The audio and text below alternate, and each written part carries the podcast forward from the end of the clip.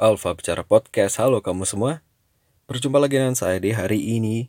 Dan ketika kamu menekan tombol play di episode ini berarti kamu hendak mendengarkan review full spoiler dari film Joker. Uh, kamu sudah menonton atau kamu belum? Silakan kalau yang belum menonton dulu ataupun emang kamu nggak peduli kalau dapat spoiler ya nggak apa-apa. Silakan dilanjutkan mendengarkan. Dan ini adalah full dari pendapat atau opini dan belum juga tentu 100% benar. Bisa juga saya miss uh, adegan tertentu ya karena kondisi di bioskop itu tidak selalu memungkinkan dan enak ya. Masih ada yang kurang kondusif seperti penonton-penonton lain ya. Yang masih suka berisik sendiri, yang masih suka ngomong-ngomong sendiri di tengah film dan menertawakan adegan di mana yang lain gak ketawa dan dia ketawa sendirian. Dan oke, okay, langsung saja kita ke review full spoiler dari film Joker.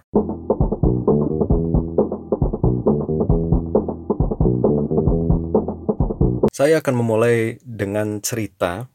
Kalau kamu uh, belum tahu penokohannya atau uh, sinopsisnya, mungkin bisa kamu dengarkan di episode sebelumnya, yaitu episode yang non-spoiler. Kali ini saya langsung bercerita. Jadi, di film ini, Arthur, yang mana adalah alter ego dari Joker, itu tinggal bersama ibunya. Yang di tengah-tengah film menunjukkan problem dari ibunya yang tiap kali menuliskan surat untuk Thomas Wayne. Itu udah dari awal ditunjukkan itu. Thomas Wayne ini adalah mantan majikan dari ibunya tapi 30 tahun yang lalu. Di suatu waktu Arthur uh, dengan secara sengaja membaca surat yang ditulis ibunya yang mana setiap kali Arthur ingin keluar itu ibunya selalu menitipkan untuk mengirimkan surat. Dan ketika Arthur pulang ibunya selalu bertanya apakah ada surat balasan dari Thomas Wayne? gitu. Dan selalu nggak ada. Dan ketika Arthur mencoba untuk membuka surat itu dan membaca ia menemui kalimat bahwa ia adalah anak dari Thomas. Namun berlanjut ke cerita selanjutnya, Diketahui bahwa ibu Arthur ternyata memiliki kelainan mental juga, yaitu delusi, suka berhayal.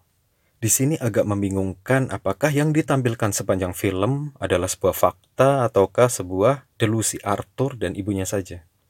Jadi jangan dulu menyimpulkan segala sesuatunya nanti. Bisa aja kita itu dipermainkan sepanjang film, oke? Okay? Dan lanjut. Ketika Arthur mencoba mencari jawaban soal ini, ia mendatangi rumah Thomas Wayne dan tanpa sengaja bertemu dengan Bruce Wayne kecil yang sedang bermain di taman. Dia sempat menampilkan beberapa atraksi sulapnya. Ya, dengan sedikit membuat Bruce merasa senang lah, tapi tidak tampak dari wajahnya. Akhirnya Bruce kecil itu mendekat dan antara Arthur dan Bruce hanya dibatasi oleh pagar.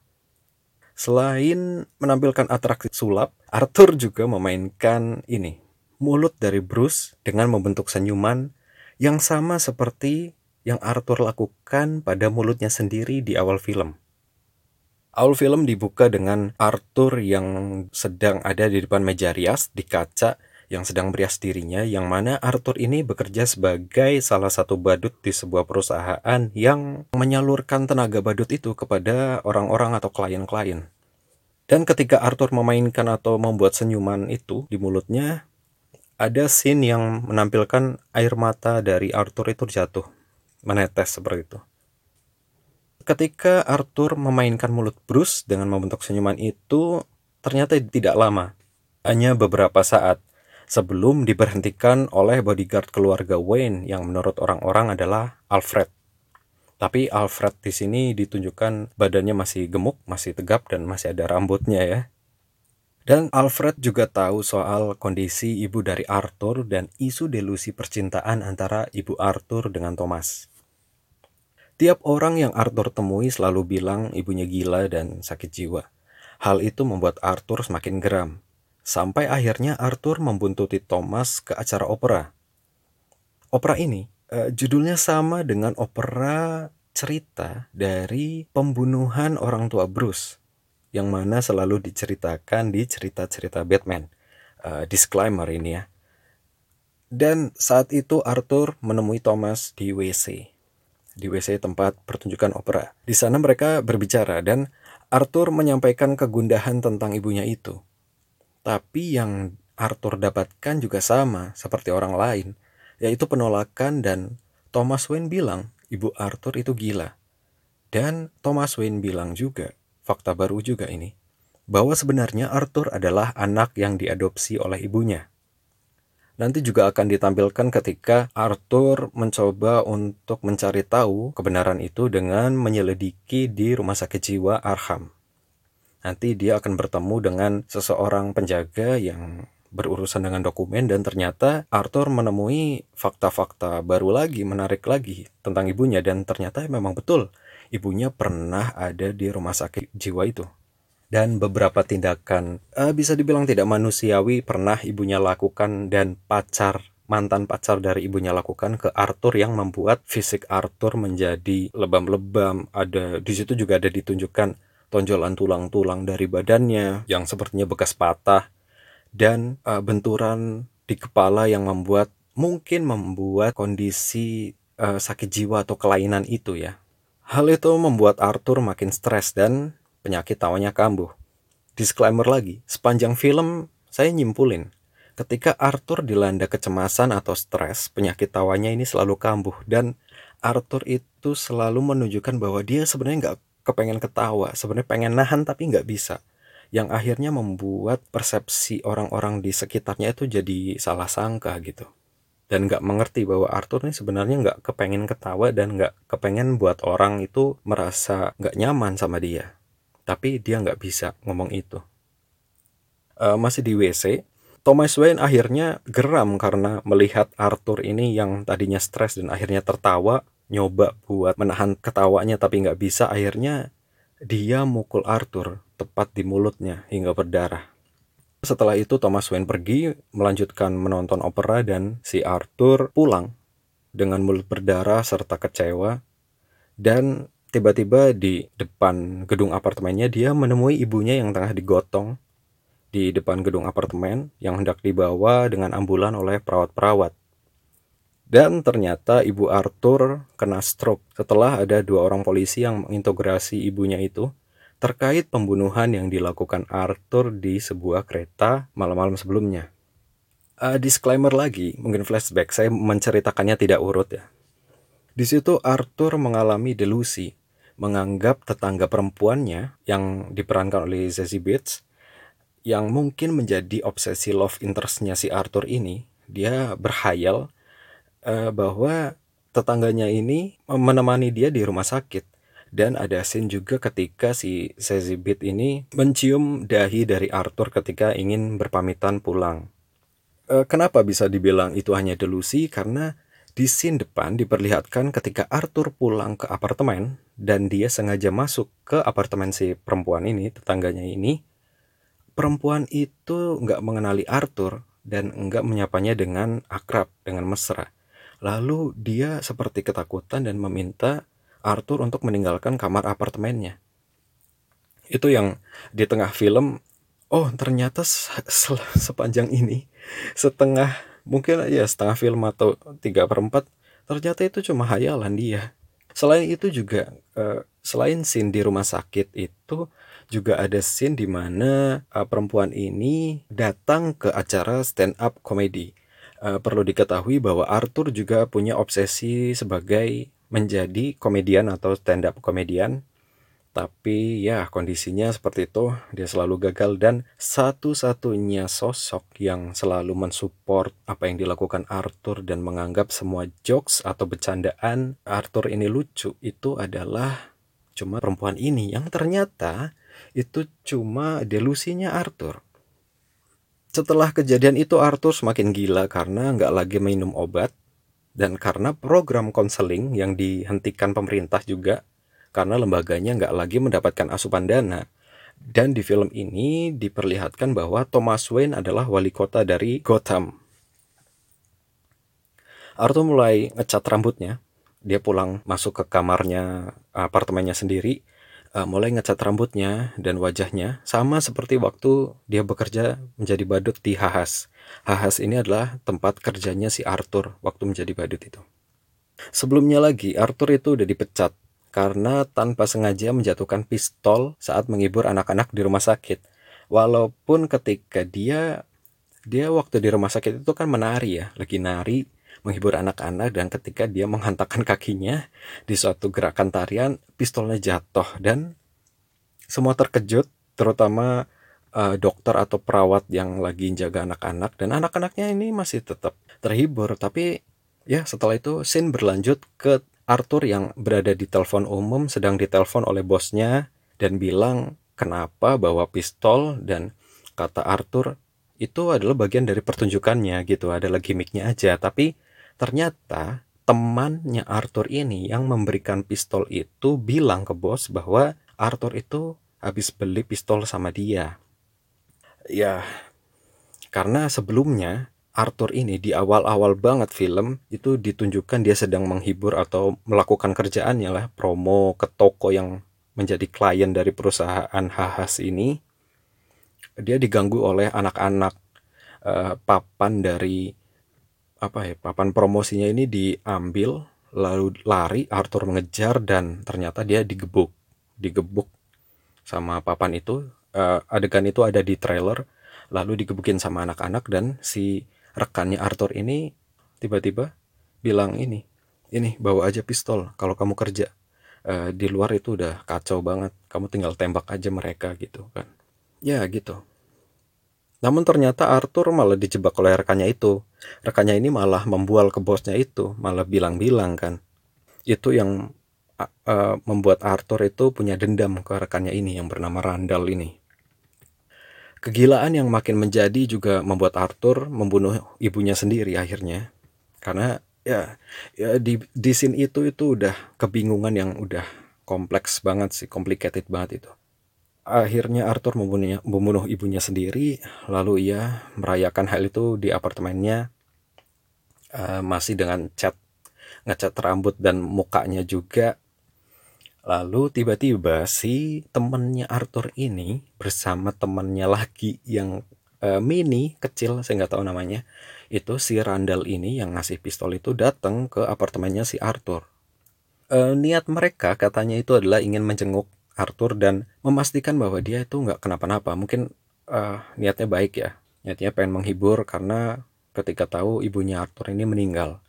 Tapi yang terjadi adalah karena Arthur sudah gila bukan main, sudah gila dan mungkin tidak bisa mengendalikan dirinya lagi.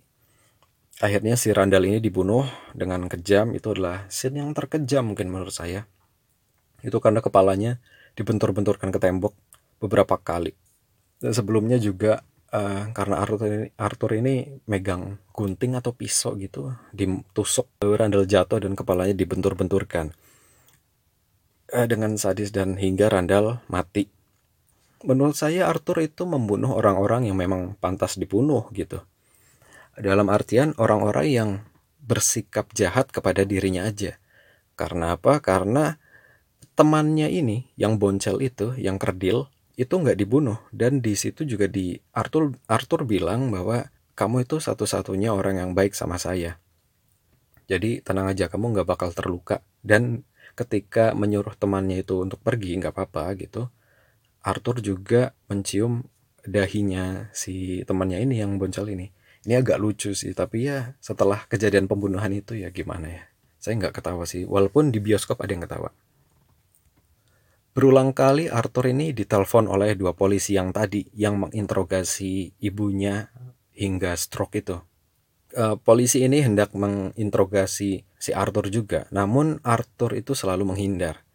Tapi di suatu pagi, Arthur menerima telepon dari agen dari TV show favoritnya yaitu Murray Franklin Show atau apa itu namanya. Murray Franklin ini adalah host yang menampilkan video Arthur di tengah pertunjukan stand up comedy sebagai bahan candaan di acaranya. Uh, scene yang mana diperlihatkan juga di trailer ketika ibu Arthur itu sedang di rumah sakit dan Arthur sambil nonton TV di situlah video itu ditampilkan dan Arthur nonton itu di rumah sakit awalnya Arthur itu senang karena akhirnya dia dinotis dan masuk TV namun kemudian dia ngerasa diolok-olok oleh host itu oleh Murai itu dengan jokes yang seolah nuding bahwa Arthur itu terlalu percaya diri namun gak lucu. Eh, jelas aja, karena Murray Franklin adalah sosok panutannya. Dia ngefans banget sama Murray dan acara itu adalah acara favorit si Arthur sama ibunya. Dia ambil ajakan itu untuk tampil di TV dan di sinilah cerita menuju klimaks itu terjadi. Arthur mempersiapkan semuanya. Di samping itu kondisi masyarakat yang udah chaos, chaosnya udah kebangetan dan masyarakat itu mendewakan sosok clown yang dilahirkan Arthur pada pembunuhan tiga orang pemuda yang ternyata karyawan di perusahaan Wayne. Uh, disclaimer lagi, kita flashback dulu. Pembunuhan itu dipicu oleh tindakan gak sopan tiga pemuda ini terhadap seorang wanita. Wanita ini enggan banget merespon godaan mereka, ke, sampai dilempar-lemparin makanan gitu. Arthur yang melihat ini mulai ngerasa stres sehingga ketika seperti yang saya bilang tadi, ketika dia si Arthur ini mulai merasa stres, penyakit tawanya kambuh. Dan diperlihatkan juga sebenarnya Arthur itu berusaha keras untuk menahan tawa dan ingin menjelaskan. Tapi tasnya itu udah kadung di apa ya, ditendang sama tiga pemuda ini. Tiga pemuda ini nih terus menekan Arthur hingga memukulinya. Arthur yang hari itu baru dipecat dan mengalami hari yang sangat buruk dan kebetulan tengah bawa pistol yang dia dapat dari Randall ini, akhirnya emosinya itu meledak. Dan Arthur, uh, saya kaget sih di momen itu. Ketika dipukuli dan akhirnya muncul letusan pistol itu. Jeder gitu. Akhirnya Arthur menembak ketiga pemuda ini hingga tewas. Setelah penembakan ini, Arthur berlari ya karena dia shock dan takut mungkin lalu sembunyi di salah satu ruangan dan dia pun menari seperti merayakan kemenangan. Tarian yang dia lakukan juga persis gerakannya seperti ketika ya, dia habis membunuh ibunya tadi. Uh, kembali ke momen sebelum Arthur di TV show. Di belakang panggung, Arthur bilang ke Murray yang saat itu sebagai host agar dipanggil sebagai Joker. Sebutan yang Murray berikan sewaktu acara TV sebelumnya itu. Awalnya TV show itu berjalan mulus. Agak mulus sih. Karena awal acara Arthur malah menunjukkan tabiat anehnya mulai. Udah mulai aneh dia. Dia malah mencium bibir salah satu bintang tamu yang ada di sana yang juga nenek-nenek. Uh, di sana udah mulai awkward dan ya tapi masih bisa jadi tertawaan oleh penonton dan dihandle dengan bagus oleh Murai ketika mulai ngejokes dan uh, saat itu Arthur diminta untuk ngejokes dan dia membawa buku jokesnya itu yang mana kita bisa lihat ya di buku jokes itu buku candaan itu isinya adalah tentang kematian ada foto wanita seksi juga. Yang mana menurut saya kematian dan penderitaan bagi Arthur itu udah seperti lelucon. Leluconnya itu udah gelap banget uh, mungkin udah beda seleranya sama orang lain gitu. Uh, ketika di tengah acara itu, Arthur malah melakukan pengakuan. Melakukan pengakuan bahwa yang membunuh tiga pemuda di kereta itu adalah dirinya. Awalnya semua nggak percaya dan si uh, salah satu bintang tamu ini bilang bahwa jangan jangan ngejokes tentang kematian atau tentang pembunuhan seperti itu. Tapi kata, Arthur ini bukan candaan, ini serius. Suasana kian kacau karena Arthur tidak tampak menyesal dan terus beralasan. Si Murai yang masih ingin mengontrol acara bertanya, mana punchline dari ucapan yang dikira jokes itu? Tapi Arthur menjawab nggak ada. Tidak ada punchline. Ini bukan bercanda. Di saat tendensi makin memuncak, Arthur yang makin kalap mengeluarkan pistolnya yang di scene sebelumnya juga sudah dia peragakan gitu. Tapi dia menodongkan pistolnya sendiri ke leher. Tapi kali ini dia langsung menembak wajah dari Murai si host acara TV ini hingga tewas.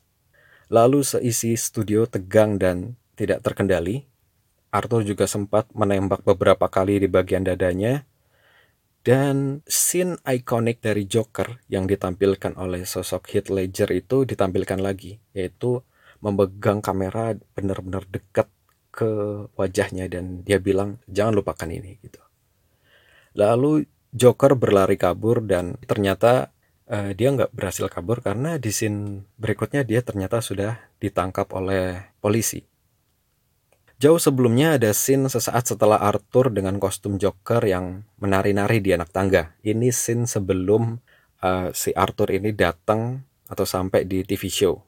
Di situ ada nyanyian juga yang ternyata itu adalah nyanyian dari uh, dalam kepala Arthur sendiri dan dua polisi ini dua polisi yang ingin menginterogasi si Arthur ini ternyata ada di belakangnya gitu di pucuk atas dari anak tangga itu. Dan ketika polisi ini bilang hey gitu uh, pengen nyapa sekaligus uh, nanya-nanya lebih intens ke Arthur ternyata Arthur uh, lari. Dan polisi ini uh, mengejarnya. Mereka berlarian itu itu sepanjang jalan sehingga si Arthur juga sempat ketabrak sama mobil dan akhirnya mereka ini si Arthur itu lari sampai ke stasiun dan masuk ke salah satu kereta yang diisi oleh orang-orang yang berdemo.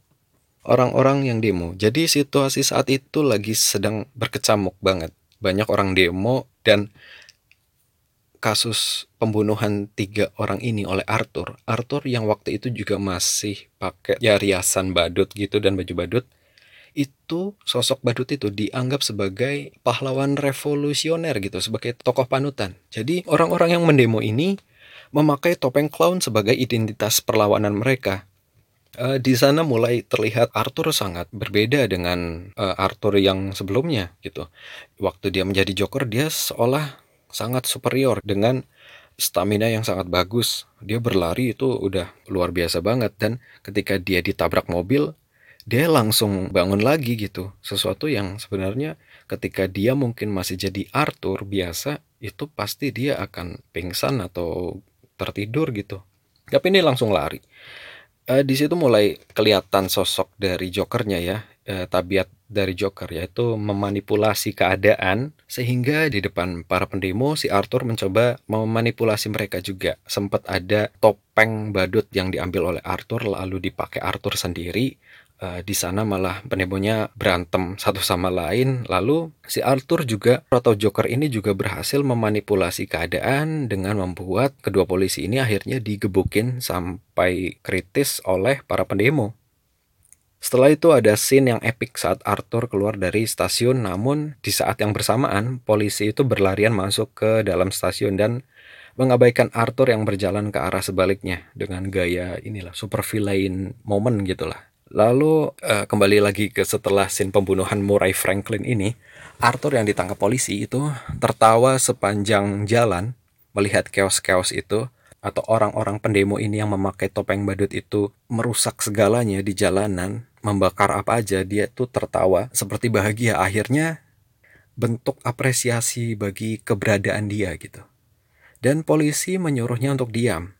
Tapi nggak lama setelah menyuruh itu mobil polisi yang ditumpangi oleh Arthur ini ditabrak oleh minibus dari samping uh, lalu muncul ada sosok badut juga yang menolong Arthur mengeluarkan Arthur dari dalam mobil dan menidurkan dia di atas kap mobil Sedangkan Arthur pingsan dan nggak tahu apa-apa.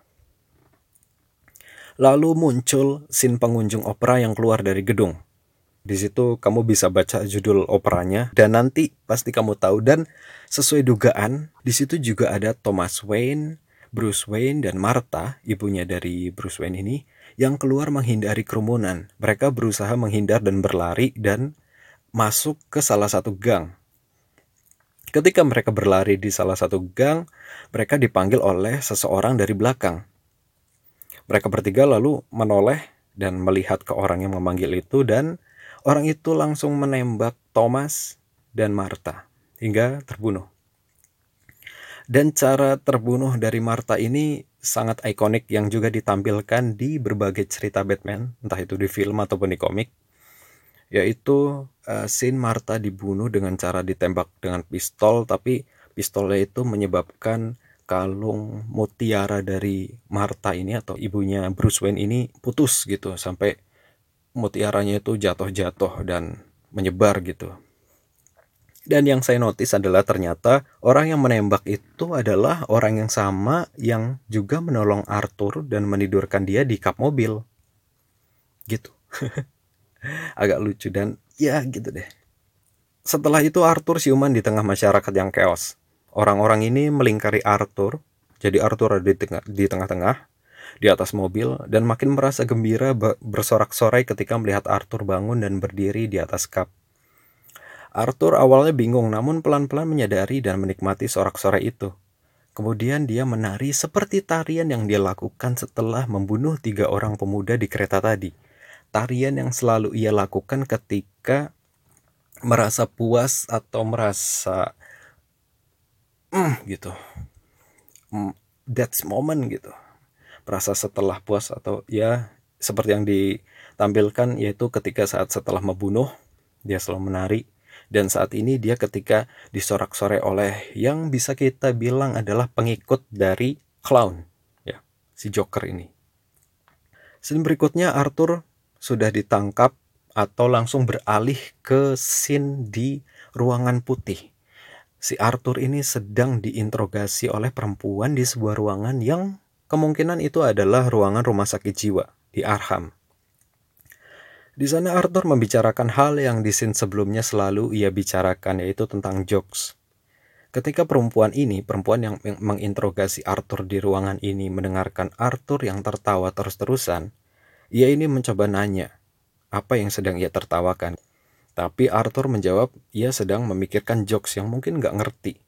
Orang lain dan kamu juga gak ngerti gitu mungkin ya.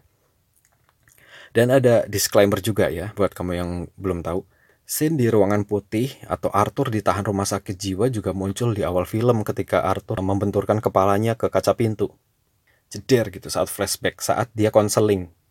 Saat dia konseling lalu ada flashback, kenapa kamu di, ditahan di rumah sakit jiwa Arham gitu. Jeder gitu.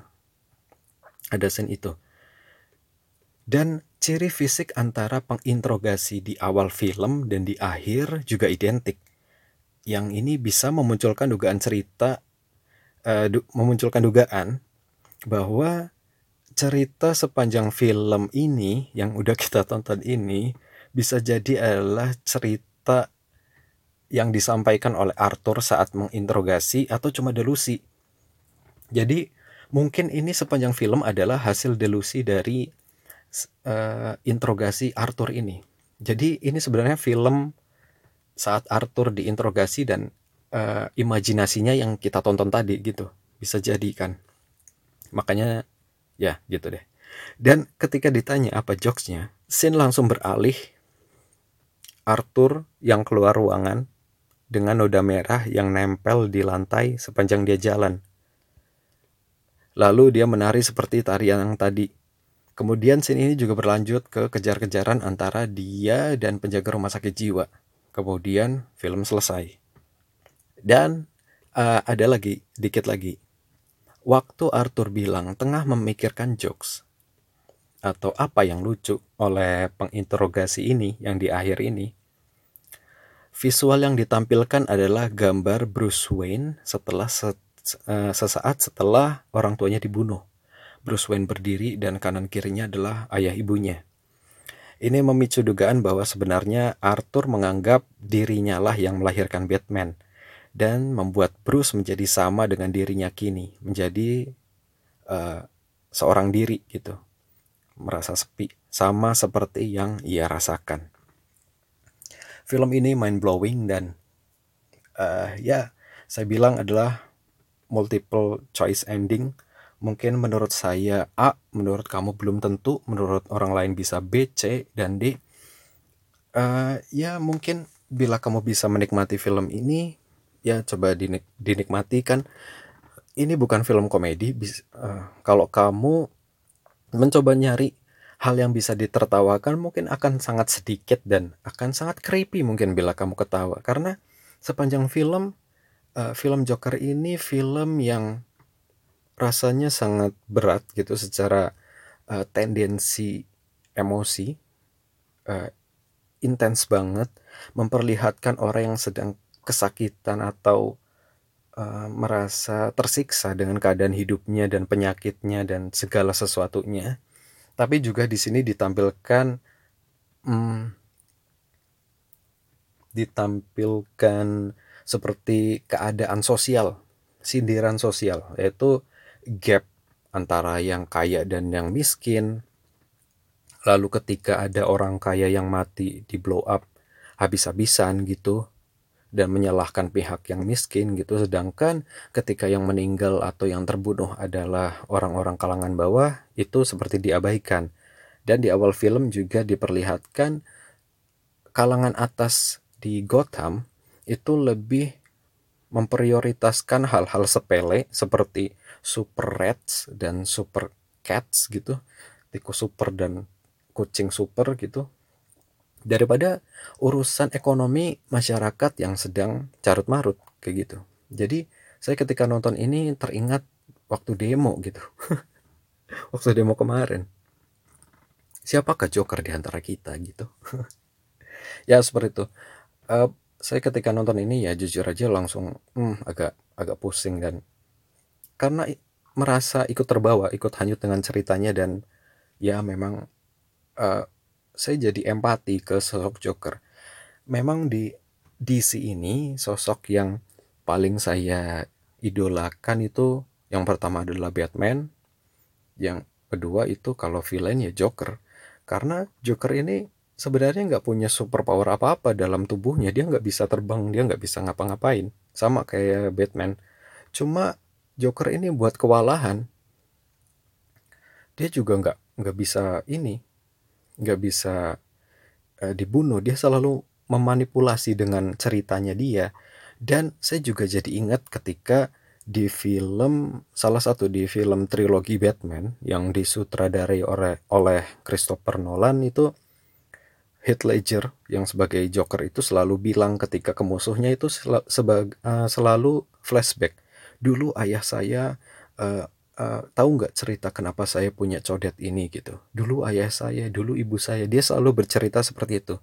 Dan ini membuat saya berspekulasi apakah cerita ini hanyalah cerita uh, apa yang ditampilkan Joker versi Heath Ledger itu yaitu ketika dia membual tapi di sini divisualkan gitu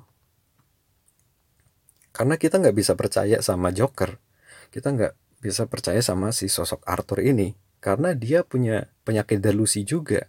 Dan di akhir seperti itu di akhir film ditunjukkan yang mana membuat kita makin bingung kan? Ya gitu deh. Akhirnya kita bingung. Oke. Okay. um, terima kasih sudah mendengarkan. Maaf ada salah-salah kata. Mungkin kamu juga tidak setuju atau tidak sependapat, silakan di komen di DM di sosial media saya di Alfa Bicara Podcast atau di Faiz Jelang. Silakan cerita juga di alfabicarapodcast@gmail.com. Dan terima kasih sudah mendengarkan Alfa Bicara Podcast. Signing out. Bye bye. Bye bye bye bye. Bye bye.